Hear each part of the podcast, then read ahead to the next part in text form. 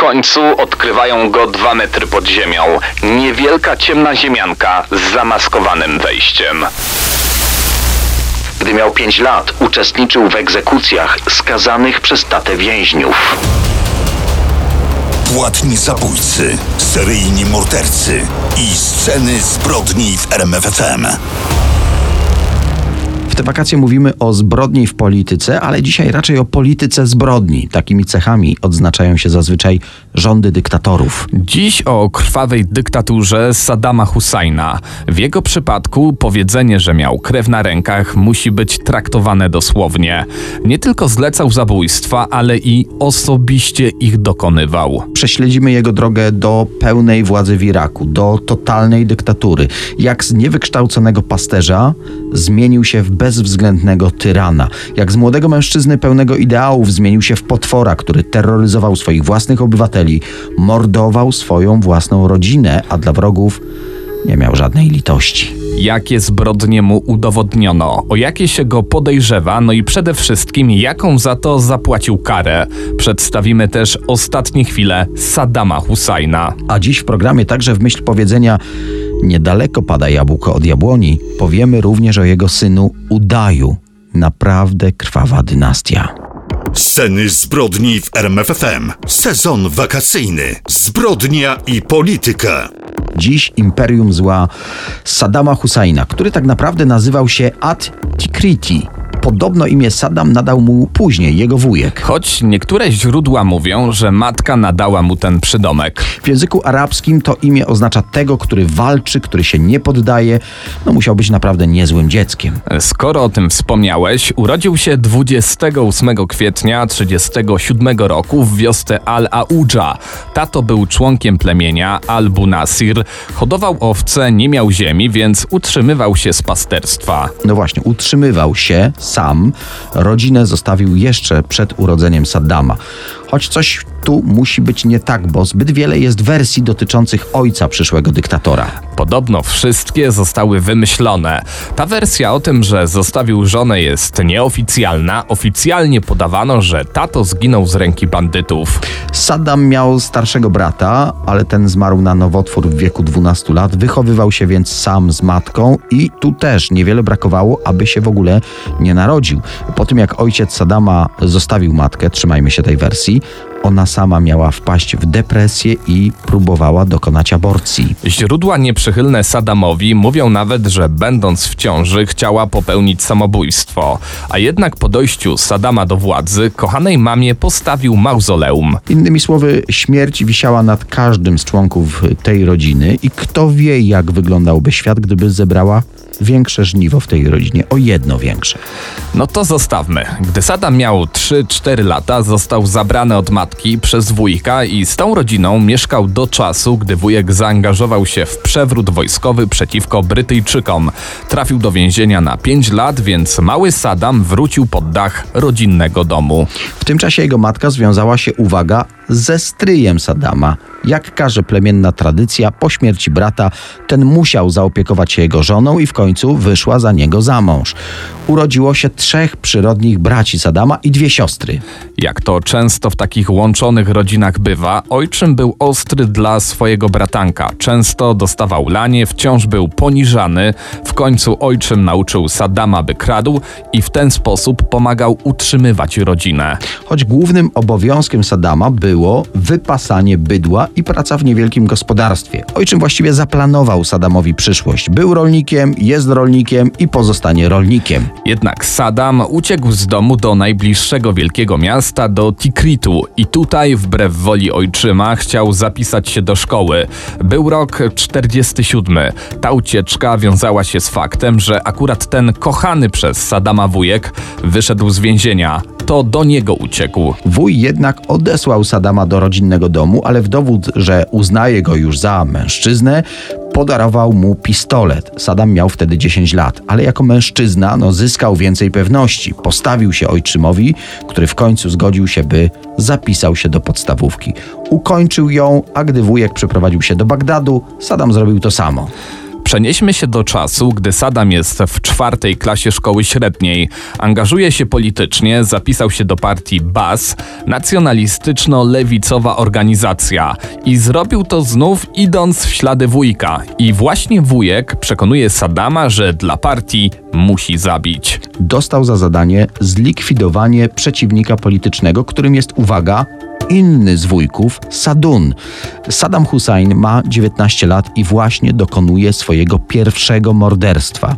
Zostaje aresztowany, ale do więzienia trafia na krótko. Po pierwsze, nie ma silnych dowodów na jego udział w tym zabójstwie. A nawet gdyby były, spędziłby w więzieniu niewiele dłużej. W ówczesnym Iraku zabójstwa polityczne nie były jakoś mocno karane, a dodatkowo w systemie plemiennym państwo starało się nie mieszać do rodzinnych porachunków i często morderstwa w rodzinie nie były w ogóle karane. Jest rok 1956. Saddam Hussein skończył 19 lat, ma już ten słynny wąs, który przez kolejne dekady będzie jego znakiem rozpoznawczym. W Iraku burzliwy politycznie czas. Angażuje się w nieudaną próbę zamachu stanu przeciwko królowi Faisalowi II. Dwa lata później wybucha tak zwana rewolucja 14 lipca i tym razem wojskowi obalają monarchię, a Saddam zabija po raz drugi. I znów robi to z pobudek politycznych. Morduje wysoko postawionego urzędnika okręgu. I znów trafia do więzienia, ale po pół roku zaledwie wychodzi. Znów nie ma mocnych dowodów, że to on zabił. Właściwie tuż po opuszczeniu aresztu próbuje dokonać kolejnego zamachu, tym razem na wpływowego generała Abd al-Karima Kasima. Zamach się nie udał, Saddam został ranny, schronił się w rodzinnej wiosce, tam ukradł według różnych źródeł albo motocykl, albo osła i na nim uciekł do Damaszku w sąsiedniej Syrii. Władze Iraku nie zdołały aresztować Saddama za próbę zamachu na generała Kasima, ale sąd tym razem miał mocne dowody i skazał go zaocznie na karę śmierci. Droga do Iraku była dla niego zamknięta. Udał się więc do Egiptu, tu zrobił maturę, tu zaczął studia na Wydziale Prawa Uniwersytetu w Kairze. Dwa lata studiów. Jego wpływy polityczne wśród społeczności irackiej bardzo wzrosły. Ale kluczowe w jego przyszłej karierze było zaangażowanie Stanów Zjednoczonych. Agenci CIA szukali wpływów w partii Bas. Skontaktowali się z młodym, obiecującym politykiem, a nawet jak się przypuszcza, wsparli jego działalność pokaźnym plikiem zielonych. Dzięki temu działa z większym rozmachem. W końcu kolejny zamach stanu. Generał Kasim został obalony. Jest rok 63. 26-letni Saddam wreszcie może wrócić do swojego kraju i trafia do więzienia, ale uwaga, tym razem jako śledczy. Ale wkrótce trafia do więzienia znów jako skazany. Jest to ciągły czas niepokojów w kraju i władza przechodzi z rąk do rąk. Jego oponenci polityczni doprowadzają kilkakrotnie do jego aresztowania. Zasłynął nawet ucieczką z konwoju więziennego. Rosną w tym czasie jego partyjne wpływy. Odpowiada za funkcjonowanie tajnego aparatu kontrwywiadu. Gdy w lipcu 68 roku znów partia Bas dochodzi do władzy, a prezydent musi uciekać z kraju, to właśnie Saddam sprawuje władzę nad służbami specjalnymi. I choć w partii jest numerem dwa, to tak naprawdę dzięki swoim wpływom to on w niej rządzi. Odpowiada za politykę zagraniczną, wykrywa spisek syjonistyczny. W wyniku jego działań wielu obywateli żydowskiego pochodzenia trafia do więzienia, część z wyrokiem śmierci. No i tu musimy wtrącić ważny wątek. Saddam wyciągnął z więzienia swojego znajomego, właśnie żydowskiego pochodzenia. Sprawa się wydała, ale paradoksalnie zyskał dzięki temu wizerunek działacza humanitarnego. I to zamiast zaszkodzić, że chroni przed swoim własnym prawem swoich własnych znajomych, no to pomogło jego karierze. Może teraz pomińmy te zawiłości irackiej polityki. W każdym razie na początku lat 70. pojawia się na mapie politycznej oficjalnie Saddam Hussein, bo do tej pory w mediach nazywano go jego plemiennym nazwiskiem Tikriti. Wtedy tego zakazał, niejako odciął się od swojej przeszłości. I w końcu 16 lipca 1979 roku wtedy zostaje prezydentem Iraku i tego stanowiska nie odda przez kolejnych 24 lata aż do śmierci. Saddam Hussein już na początku lat 70. faktycznie pełnił władzę w Iraku, mimo że w rządzącej partii był numerem dwa. To jego decyzje spowodowały, że z Iraku musiały wyprowadzić się korporacje zagraniczne sprawujące władzę w przemyśle naftowym. Teraz spółki stały się państwowe, a boom na paliwa na świecie sprawił, że kraj pod jego rządami rozwijał się dostatnio. W roku 79 został przewodniczącym partii BAS i prezydentem kraju. Sam siebie ogłosił dosłownie przywódcą konieczności. W dużym skrócie oznaczało to, że to co ogłasza w swoim imieniu staje się programem partii BAS i zarazem programem narodu. Początek rządów miał genialny. Z petrodolarów budował nowoczesne miasta i drogi. Irackie autostrady zostały za jego rządów uznane za najlepsze na świecie. Warto wtrącić, że czerpał zyski, dokładnie trafiało do niego 5% dochodu irackich rafinerii. Przez to wkrótce trafił do pierwszej trójki najbogatszych ludzi świata. Rozpoczął także wtedy program nuklearny. Budował reaktory, jak twierdził, do badań, a nie do prac nad bronią. Pozwalał kobietom na edukację, na ubieranie się w swobodny sposób, co w krajach arabskich nie było normą. Opłacał też pisarzy, poetów, dziennikarzy, by budowali jego reputację czy wręcz legendę. Zapraszał do kraju, no dzisiaj powiedzielibyśmy, światowe gwiazdy, celebrytów. W konsekwencji zaczął cieszyć się w Iraku prawdziwym kultem jednostki. Był przystojny, wysoki, 188 cm wzrostu, zawsze elegancko ubrany, kobiety go kochały.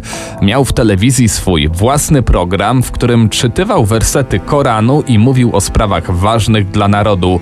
Często żartował w nim także z siebie samego. Z tych programów mogliśmy się dowiedzieć, że najpotężniejszy człowiek w kraju hobbystycznie uwielbia wiosłować po Tygrys, że kocha pływanie w basenie, czytuje też literaturę klasyczną, a jego ulubioną książką był podobno Stary Człowiek i Morze Hemingwaya. Lubił też filmy o Bondzie i piosenki Franka Sinatry.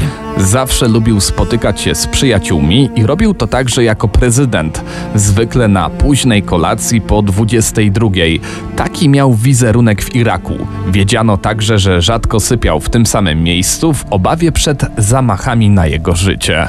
Co ciekawe, w jego politycznej karierze pomagały supermocarstwa z obu stron żelaznej kurtyny. Kupował broń z ZSRR, ale równocześnie z wielu krajów zachodniej Europy. Otrzymał także ogromne militarne wsparcie z USA. Stany obawiały się religijnego fanatyzmu, jaki szerzył się w sąsiednim Iranie, więc niemal namawiały Husajna do wojny i tak się stało. W roku 1980 wypowiada wojnę Iranowi. Wojna wyniszczyła oba kraje i żadnemu nie przyniosła żadnych korzyści. Po ośmiu krwawych latach zawarto rozejm, więc Saddam mógł skupić się na wewnętrznym problemie, jaki od lat miał z Kurdami. Nie chciał zgodzić się, by uzyskali autonomię w Iraku, ani nawet nieco większych swobód im zakazał. Na rozkaz wydany przez Saddama przeprowadzono operację Al-Anfal, dosłownie znaczy to łupy wojenne. Mówiąc wprost, Saddam Hussein wydał rozkaz zrównania z ziemią 3000 kurdyjskich miejscowości. Z ich mieszkańcami walczono także bronią chemiczną. Tylko jedno zastosowanie gazów bojowych w Halabdży 16 marca zabiło od 4 do 5 tysięcy osób. Wyglądało to zawsze tak samo. Najpierw pociski gazowe zrzucano z samolotów. Ginęli partyzanci kurdyjscy, ale przede wszystkim cywile, kobiety i dzieci. Później do wioski wjeżdżało wojsko, paliło i wysadzało zabudowania, a tych, którzy przeżyli, zabierano do obozów koncentracyjnych. Gwałty, tortury, morderstwa. W przypadku chłopców i mężczyzn często pobyt w obozie kończył się masowymi egzekucjami. Ponad pół roku tej tak zwanej operacji kosztował życie blisko 200 tysięcy Kurdów. Została uznana za ludobójstwo, m.in. przez Szwecję, Norwegię czy Wielką Brytanię. Wymordował społeczność kurdyjską w Iraku. W roku 1990 zaatakował Kuwejt. 2 sierpnia 1990 czwarta rano. Jednym z powodów oficjalnych ataku był spór o rafinerię i nieprzestrzeganie norm wydobycia przez Kuwejt.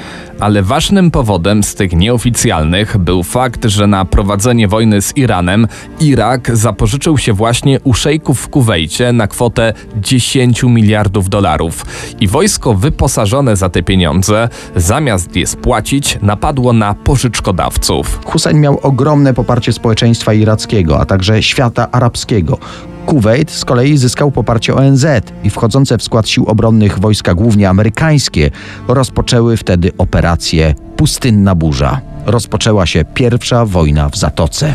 Wojska koalicji odbiły Kuwejt. Irak przegrał wojnę, ale Saddam Hussein wezwał wszystkich muzułmanów do dżihadu, świętej wojny z Zachodem. W tym czasie wywiad amerykański postawił sobie za cel zabicie dyktatora, którego siła polityczna tak urosła. Próby zamachu na niego nie powiodły się, bo Saddam był świetnie chroniony przez specjalną gwardię, do której należeli wyłącznie zaufani ludzie, często jego partyjni towarzysze. Ale konflikt pomiędzy państwami arabskimi a państwami tak zwanego Zachodu narastał i nieunikniona wydawała się druga wojna w Zatoce. Wybuchła w październiku 2002 roku, a jej oficjalną przyczyną były podejrzenia, że Irak ma broń atomową.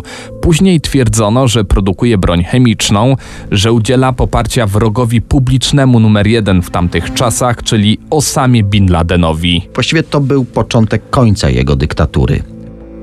To było jedno z najgłośniejszych wydarzeń w światowej polityce roku 95.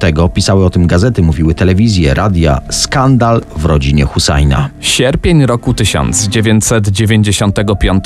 Jego rodzeni bracia Hussein Kamel i Saddam Kamel, który wtedy był pułkownikiem Straży Prezydenckiej, a poza braćmi także jeden z siostrzeńców, uciekli z Iraku do Jordanii.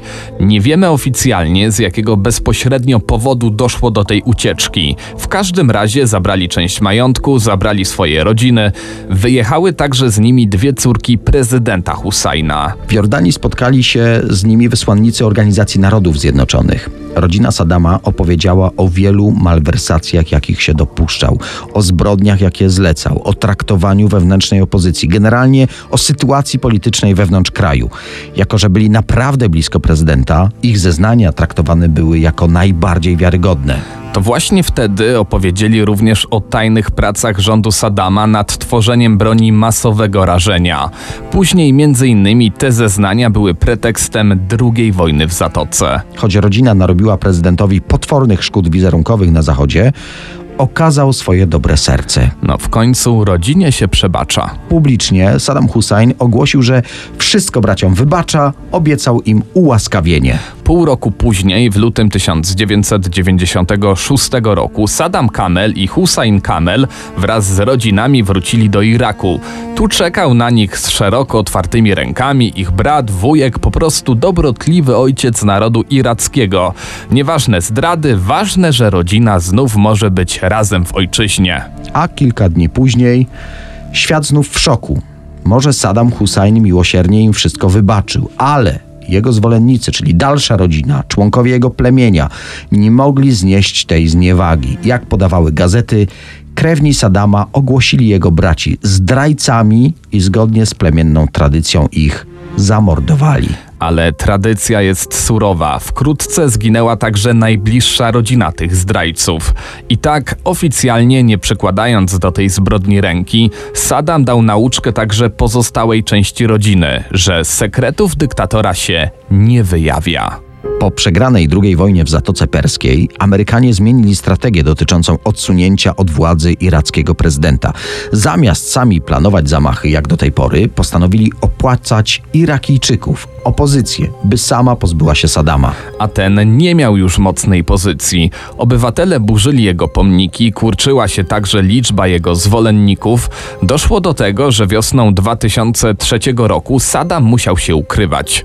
Amerykański wywiad rozpracowywał dane dotyczące miejsca jego pobytu i jego rodziny. 22 lipca w wyniku zasadzki zginęli obaj jego synowie, Udaj i Kusai, ale Saddam pozostawał poza zasięgiem. Trwało to 8 miesięcy. Jest 13 grudnia 2003 roku, godzina 18.27 czasu lokalnego. Na farmę 15 km od rodzinnego miasta Sadama, od Tikritu, wkraczają oddziały amerykańskiej armii. Z bronią gotową do strzału przetrząsają kolejne zabudowania i w końcu odkrywają go dwa metry pod ziemią. Niewielka ciemna ziemianka z zamaskowanym wejściem. Wtrącę, że tuż obok tej kryjówki stała taksówka gotowa do wyjazdu. W jej bagażniku zapakowano 750 tysięcy dolarów w gotówce. To miały być pieniądze na start w nowym kraju. Prawdopodobnie w Zjednoczonych Emiratach Arabskich, które zaoferowały Saddamowi azyl. W końcu Saddam był trzecim najbogatszym człowiekiem świata. Jego osobisty majątek, jaki zbił w trakcie dyktatury, szacowano na prawie półtora miliarda dolarów, ale nieoficjalnie wynosił aż 40 miliardów dolarów. Jednak zamiast wyjechać, postanowił pozostać w Iraku. Mówimy o ogromnym bogactwie, ale w ziemiance Amerykanie zastali brudnego, wychudzonego, zaniedbanego, zmęczonego człowieka z bujną, potarganą, posiwiałą brodą. Mężczyzna nie stawiał oporu. 19 października 2005 roku przed specjalnie powołanym trybunałem rozpoczął się jego proces. Główny zarzut masakra 148 szyitów i za to rok później został skazany na karę śmierci przez powieszenie. Warto wspomnieć, że Trybunał działa w ten sam sposób, w jaki Hussein likwidował swoich politycznych przeciwników. Te same przepisy i procedury stały się jego własną zgubą. Wyrok potępiany przez opinię międzynarodową wykonano 31 grudnia 2006 roku o godzinie 4.00. W Warszawie dochodziła wtedy druga w nocy. Saddam Hussein został pochowany w miejscowości, w której się urodził, w Al-Audża, obok synów, którzy zginęli nieco wcześniej w amerykańskiej zasadzce.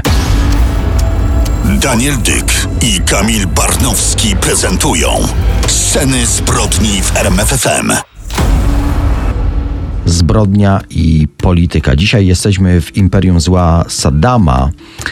I tym razem interesuje nas Uday Saddam Hussein. To jest najstarszy syn dyktatora Iraku. Każdy, kto go poznał, mówił o nim później, że jest po prostu sadystą. Przyszedł na świat w 1964 roku i jako następca swojego ojca towarzyszył mu od najmłodszych lat w prezydenckich obowiązkach. Gdy miał 5 lat, uczestniczył na rozkaz ojca w egzekucjach skazanych przez tatę więźniów. To musiało odcisnąć ślad na jego psychice. Już jako dorosły zaczął piastować w aparacie władzy swojego ojca ważne funkcje. Był m.in. przewodniczącym Irackiego Komitetu Olimpijskiego. Od 1995 roku dowodził także fedainami Saddama, czyli organizacją paramilitarną. Stał też na czele gazety Babil i telewizji Shabab. Jako ważny minister rozkazał przywrócić w kraju średniowieczną karę falakę. Falaka polegała na tym, że więźniów układano związanych na stole lub specjalnym łóżku, spętanych tak, by nie mogli się ruszać. Następnie kat lub kaci na zmianę solidnym kijem uderzają w podeszwę stóp ofiary. Po takiej torturze nie można chodzić przez wiele dni. Udaj często bywał przy takich torturach, a z relacji świadków wynika, że jeśli nie mógł w jakiejś karze uczestniczyć, dzwoniono do niego, by mógł słuchać przez telefon chociaż wrzasków swojej ofiary. Uday Hussein był również uzależniony od alkoholu i tu musimy przypomnieć uroczyste przyjęcie w 1988 roku.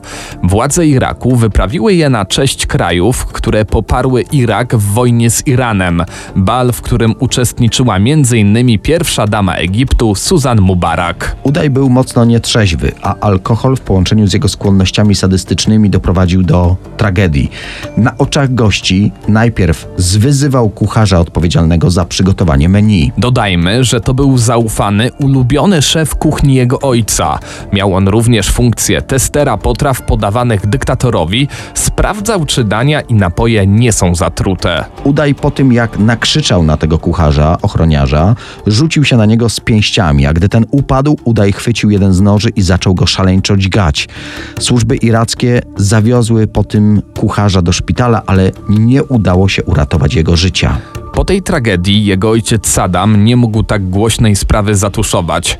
Rozkazał aresztować syna, pozbawił go także państwowych funkcji. Sąd skazał Udaja na 8 lat więzienia i sprawa została zamknięta. Ale już po kilku miesiącach nadzwyczajne śledztwo Ministerstwa Sprawiedliwości i zarzuty, wyobraźcie sobie, zostały wycofane.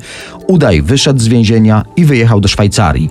Żył tam, jakby nie obowiązywało go żadne europejskie prawo. Za incydenty wydalono go najpierw ze Szwajcarii, a później także z Francji. Powiedzmy o tych incydentach, jak to ładnie nazwałeś.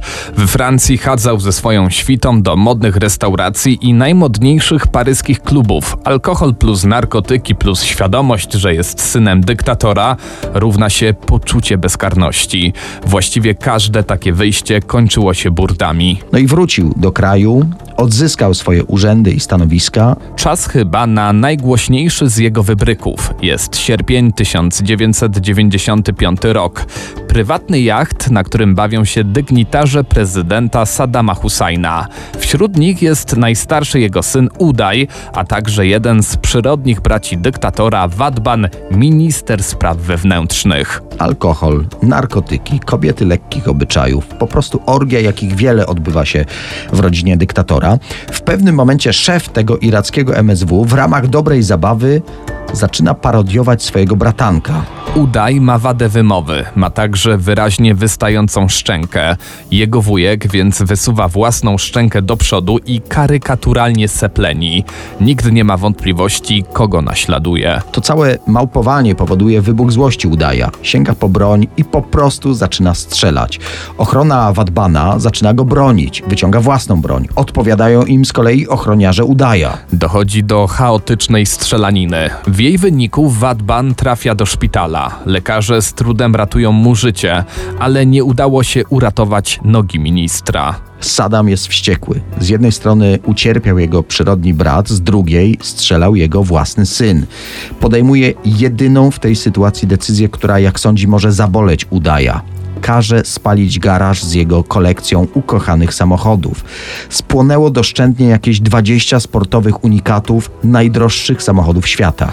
Wspomnieliśmy o orgiach. Udaj brutalnie korzystał ze swojej pozycji. Poza organizowaniem takich przyjęć słynął także z tego, że po prostu wypatrzył sobie jakąś kobietę na ulicy, jadąc limuzyną. Po prostu wskazywał ją ochronie. Trafiała do jego apartamentów. Tam, jeśli nie udało się przekonać jej do seksu urokiem, jego pozycji czy drogimi prezentami, no po prostu ją gwałcił. Skandalem w rodzinie był gwałt, którego dopuścił się na córce kochanki swojego ojca, a dziewczyna była nastolatką. Rok po tej strzelaninie na jachcie, Udaj również został postrzelony. Szedł akurat przez centrum Bagdadu, gdy zaczaił się na niego z bronią ktoś z rodziny kobiety, którą wykorzystał. Strzelił do niego całą serią. Udaja trafiło siedem pocisków. Lekarze go uratowali, ale już do końca życia nie miał pełnej władzy w nogach. Chodził, ale wyraźnie utykał. Po tym zamachu, wyobraźcie sobie, stał się jeszcze bardziej bezwzględny i jeszcze bardziej brutalny. Jakby uwierzył, że opatrzność nad nim czuwa, albo z drugiej strony, jakby chciał za ten zamach zemścić się na całym świecie. Ze względu na jego zbrodnie, ale i ze względu na znaczenie w kraju Sadama, Udaj trafił na słynną amerykańską talię kart. Żołnierze na wojnie w Zatoce nosili ją ze sobą, by uczyć się rozpoznawać poszukiwanych. Wartość karty odzwierciedlała pozycję ściganego. Udaj widniał na niej jako askier. To jego bezwzględne i sadystyczne życie skończył wspomniany już przez nas amerykański atak. Udaj wraz z bratem Kusajem zostali wydani przez kogoś ze swojego otoczenia. Tajemniczy do dzisiaj informator miał otrzymać od Amerykanów 30 milionów dolarów za wskazanie ich kryjówki. Amerykanie przygotowali zasadzkę. Godzina 10, 22 lipca 2003 roku. Mieli otoczyć i zdobyć kryjówkę w Mosulu. Miało być szybko i precyzyjnie. Wytypowano ośmiu komandosów. Jako wsparcie przydzielono im 40 żołnierzy piechoty. Komandosi wyważyli drzwi kryjówki i wpadli w silny ogień synów Husajna i ich ochrony. Większość komandosów z ranami postrzałowymi musiała się wycofać. Wówczas piechota otworzyła ogień, obrzucała dom granatami, w końcu wezwano posiłki. W pewnym momencie budynek był otoczony przez 200 żołnierzy amerykańskich i ostrzeliwany działkami z helikopterów. Trzygodzinna wymiana ognia skończyła się dopiero ostrzelaniem budynku z rakiet wojskowego Humvee. Część budynku zawaliła się wtedy, zabijając obu braci. Gdy nastała cisza, około 13.21 żołnierze amerykańscy weszli do ruin tego budynku w poszukiwaniu zwłok. W jednej z łazienek zaskoczył ich syn Udaja Mustafa. Czternastolatek zaczął strzelać z kałasznikowa. Żołnierze amerykańscy odpowiedzieli ogniem i zabili wnuka Sadama. Sceny zbrodni w RMFFM.